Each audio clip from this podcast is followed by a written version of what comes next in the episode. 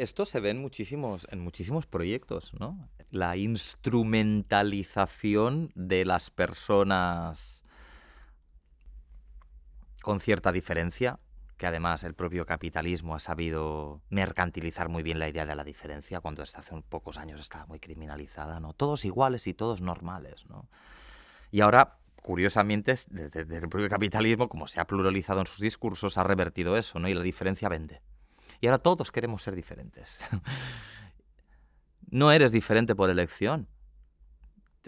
aparte, es como las personas que hemos formado parte, por suerte o por desgracia, de la disidencia, o formamos parte de la disidencia sexual en mi caso, lo único que anhelamos es ser normales. No anhelamos nada más en la vida. Yo no quiero ser diferente a nadie, yo quiero ser normal. O sea, desde, desde, desde las propias disidencias, eh, esto se tiene como muy asumido, ¿no? La melancolía de la normalidad. Es algo que no se ha trabajado mucho. Pero creo que es necesario, sería necesario trabajarlo. Y por contra, esto que comentaba, el capitalismo ha sabido mercantilizar la diferencia, ¿no? Y ahora, como, sé diferente, ¿no? Estos lemas y, y titulares que vemos ahora mismo, ¿no? Respecto a, la instrumentalización de la diferencia por parte del capitalismo en el ámbito cultural, en la práctica artística o en el trabajo cultural, también se, ha reconocido o se ha asumido el deber moral, desde una perspectiva muy, muy, judeocristiana, del artista o la institución cultural, museo, eh, centro de arte, bla, bla, bla, de tener que dar espacio o visibilidad a todos esos sujetos que no han sido o que no han tenido la posibilidad de ponerse en el centro. Mm, ¿Quién le da permiso a quién para dejar permitir poner en el centro a alguien? ¿no? Quizás sería al contrario, romper el centro y descentralizarlo y que la centralidad se acerque a la periferia. Y esto lo vemos mucho, sobre todo con las disidencias sexuales, ¿no? Tal como pasa con los, los, trans o las trans, ¿no? No solo por la mercantilización que supone eso y el postulado de, de la espectacularización, sino por la asunción de la diferencia como, una, como un adjetivo positivo que desactiva el propio contenido de la diferencia porque no se es diferente porque se quiere, se es diferente porque se ha sido expulsado o ni siquiera se ha permitido entrar en, ese centro legitimador, ¿no? Y desde el mundo del arte hay muchos proyectos que, la, que desde una práctica, digamos, política, entre muchas comillas, tienen este mecanismo moralista de vamos a trabajar con las limpiadoras de, vamos a trabajar con los guardias de seguridad de, con los sin techo de fuera. Me cuesta un poco ver coherencia en este tipo de prácticas, porque lo único que hace son lavados de imagen de, de los centros y de las instituciones culturales para postularse en una imagen mucho más democrática, justa, y, cultural porque resulta que desde fuera se cree que todos los trabajadores o artistas debemos ser de izquierdas, cuando no es así, hay muchos artistas de derechas, y la propia historia del fascismo español lo ha demostrado. Cuando se presenta desde la historiografía del arte que hubo un campo completamente infértil durante la cultura, durante los años del franquismo. El franquismo participó en la Bienal de Venecia, en la Trienal de Milán, eh, con, obras eh, de, de, Miró, a pesar de que su galerista y él mismo no quiso participar, pero sí que se cedió por parte de un coleccionista italiano, del propio Antoni Tapies, de Guino Bart. Eh, había práctica artística, cultural durante el fascismo. ¿En qué momento la historiografía por limpieza propia y de imagen dice que no la hubo? Por supuesto la hubo, mejor, peor, pero la hubo. Y creo que dentro de unos años vamos a empezar a leer algunas prácticas contemporáneas como formas bastante perversas de instrumentalización capitalista. Mucho más allá de, obras como puede estarse ahora denunciando mucho a Santiago Sierra. Mucho más allá, prácticas contemporáneas que utilizan o instrumentalizan la disidencia sexual o la diferencia como hecho a visibilizar por un deber ético y moral, ¿no? Eh, me, parece terriblemente perverso esto, ¿no? ¿Qué sentido moral y ético tienes tú de dar visibilidad a aquella? ¿Por qué? ¿No? No lo sé. Eh, creo que falta mucha, mucha coherencia en tanto a práctica y a discurso y sobre todo tener la, la generosidad no, de ensanchar el, top de la pirámide, la parte superior de la pirámide, sino de desprendernos, de, que, de desprendernos, y me incluyo, del privilegio. Lo más complicado es eso. No es que la gente tenga privilegios, es desprenderse del privilegio. Y ahí creo que radica en el hecho cultural la horizontalidad, ¿no? El desprenderte del propio privilegio, como lo haría, por ejemplo, el director de un museo cediéndole su espacio a unas personas de la limpieza. Ahí radicaría el tema, creo. Sí, el hecho de la práctica investigativa como, como propia práctica de, de, para no solo identificar ese conocimiento legitimado, sino identificar cómo se constituye la idea de conocimiento, que eso también es una, un, hecho que me interesa mucho, ¿no? ¿Qué significa que es conocimiento y qué no significa que es conocimiento? Porque volviendo otra vez a la modernidad es quien estipuló qué significa que es legítimo y qué no es legítimo. Y uno de los primeros Ah, de las primeras prácticas o de los primeros aparatos represores en torno a la idea del conocimiento fue con la botánica, con la idea de la botánica, el uso de las plantas. Em, es muy interesante esto también. Básicamente también nuestra experiencia de legitimidad burocrática, política, social, económica em, está establecida en la modernidad y poco se habla de, de eso, prácticamente nada. Por eso siempre parto mucho de la modernidad. La investigación como tal, como práctica y como metodología, me interesa para poner el foco en por qué hay algo que es o qué conocimiento está legitimado y por qué, no cuál no está legitimado, por qué este no está legitimado, ¿no? básicamente siempre la cuestión de cualquier trabajo de investigación es, esta.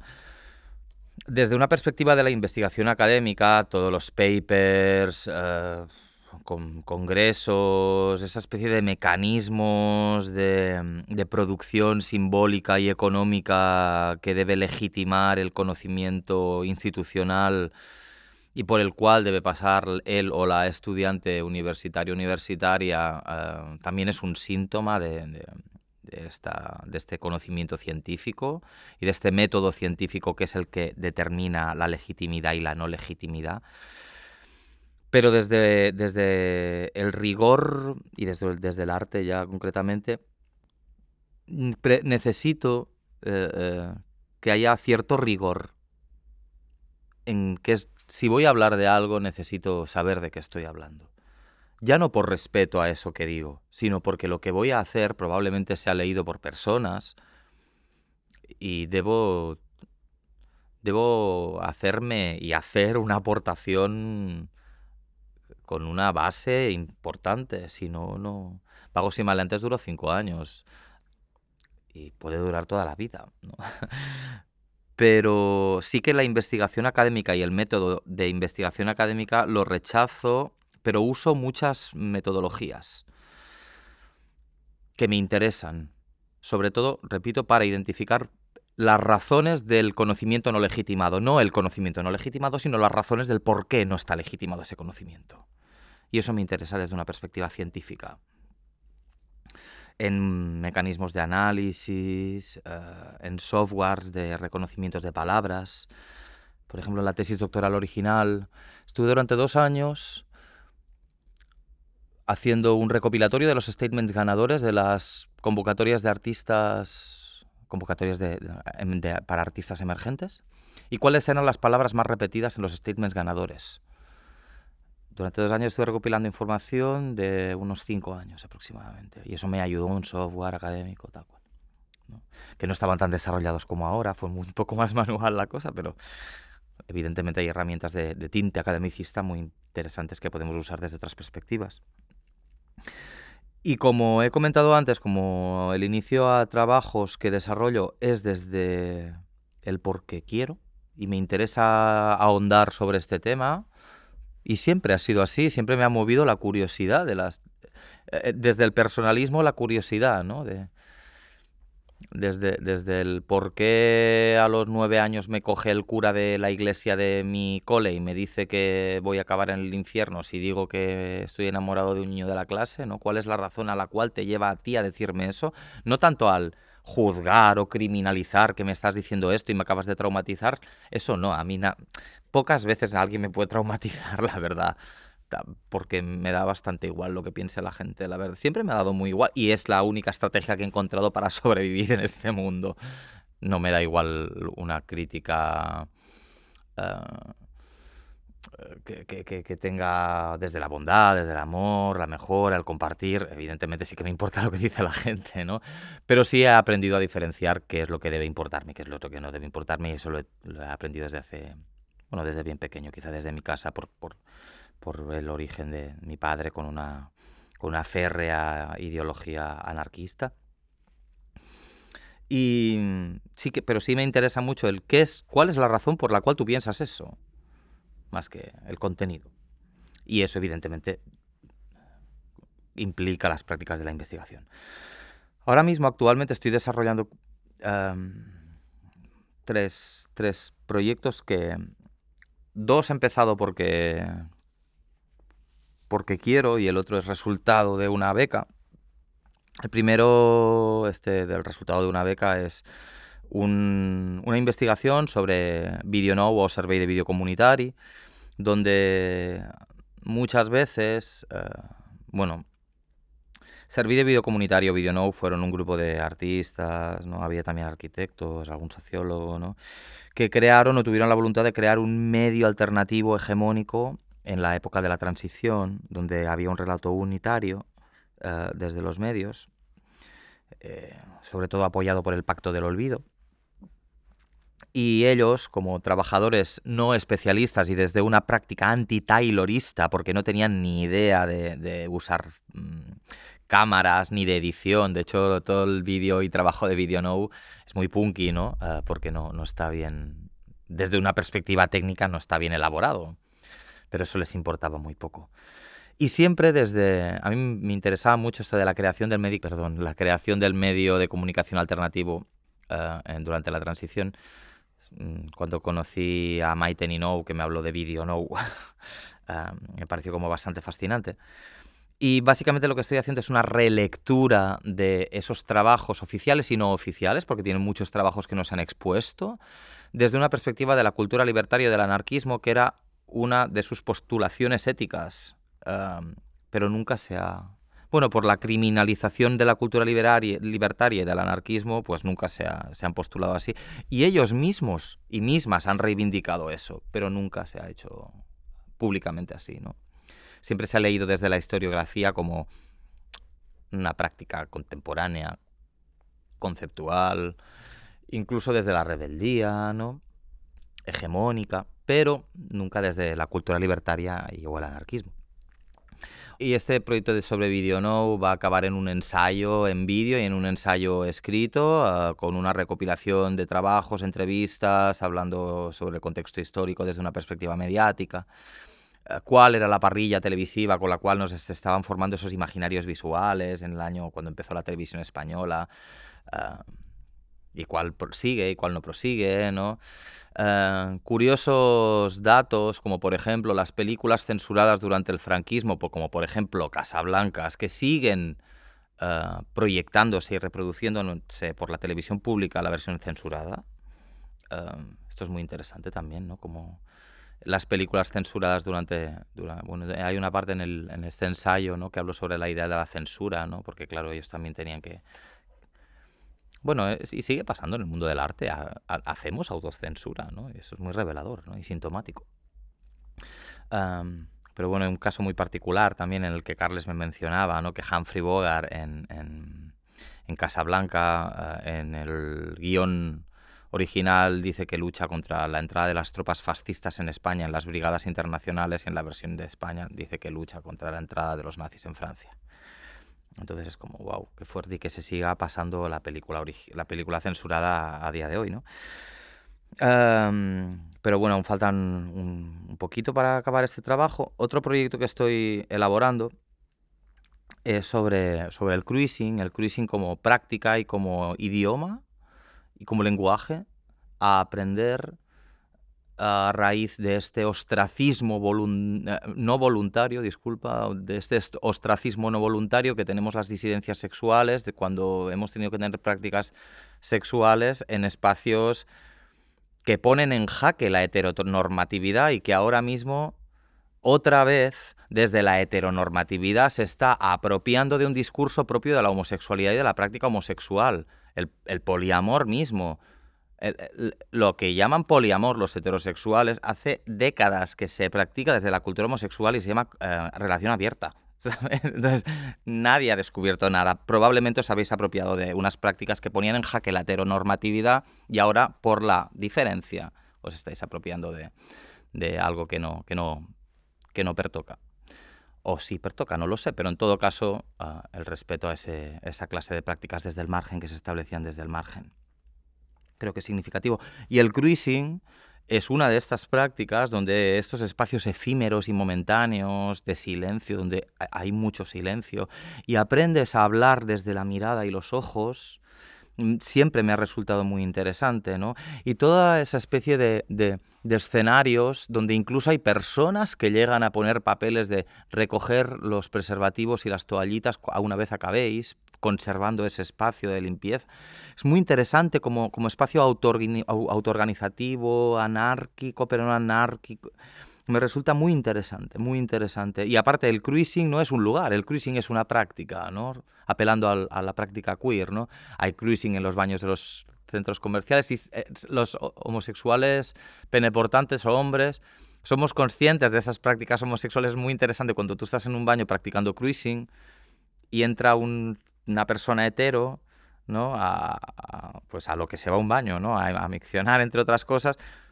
Esta cosa de la ficción disimulada, de que no, pero sí, pero...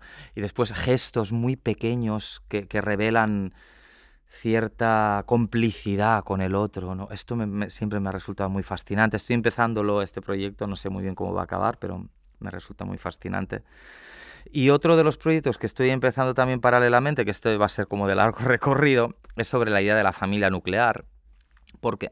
Porque cuando estaba realizando las consultas de los expedientes de vagos y maleantes, de repente vi un expediente de una tal Conchita Gasol y que me quedé bastante impactado porque ponía que había nacido en Valls y mi familia es de Valls. Y flipé bastante y la habían detenido por prostitución a ella y a su hija.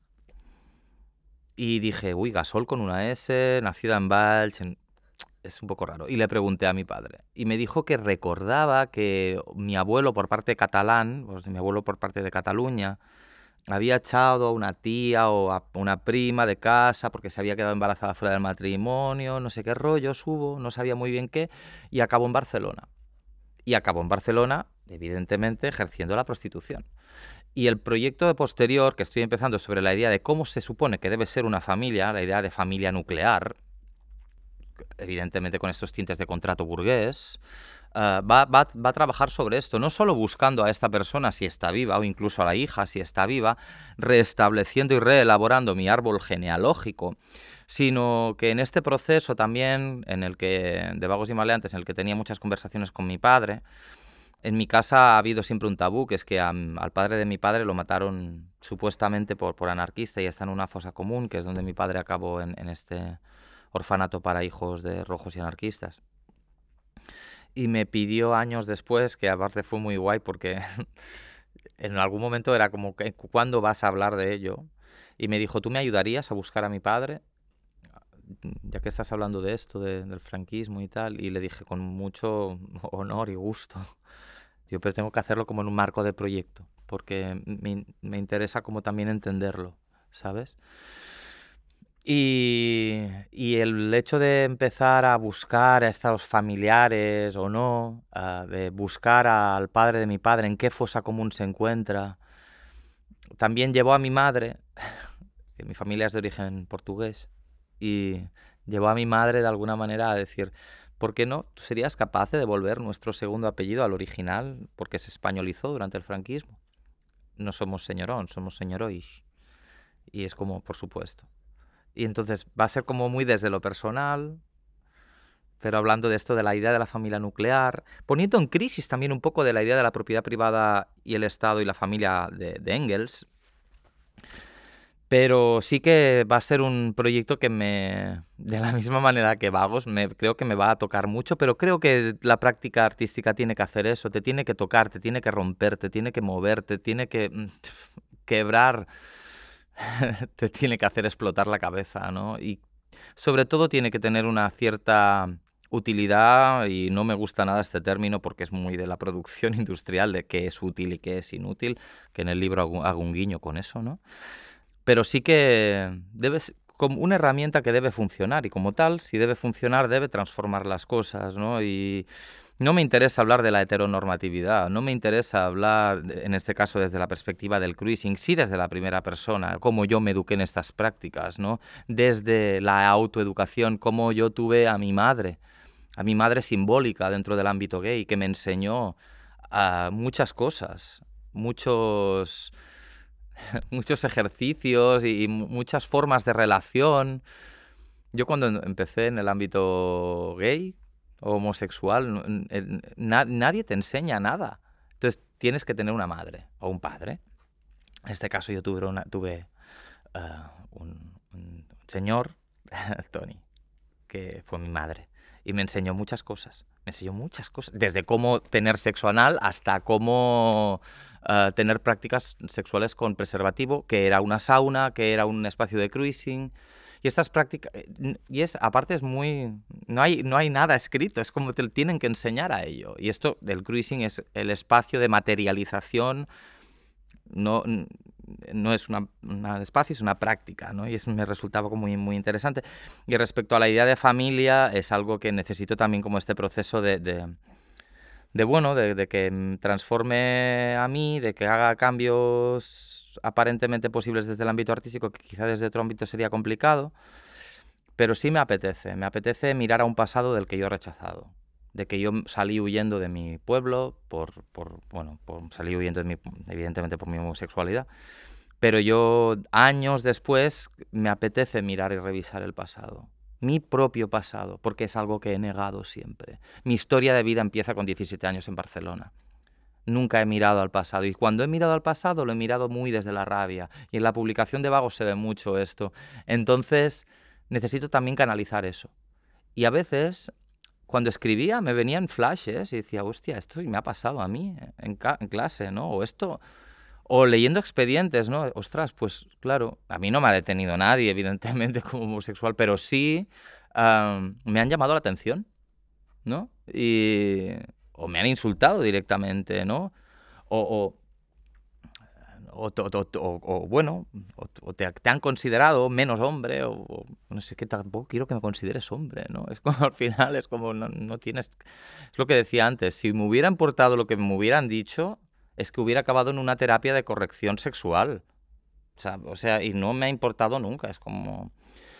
Pues si tú me dices que voy al infierno, pues me gusta mucho el calor, ¿sabes? Es como, y aparte es como guay, sí, me mola mucho. Ah, pero sí, Ahora mismo estoy con esas cosas y leyendo mucho, siempre estoy leyendo mucho.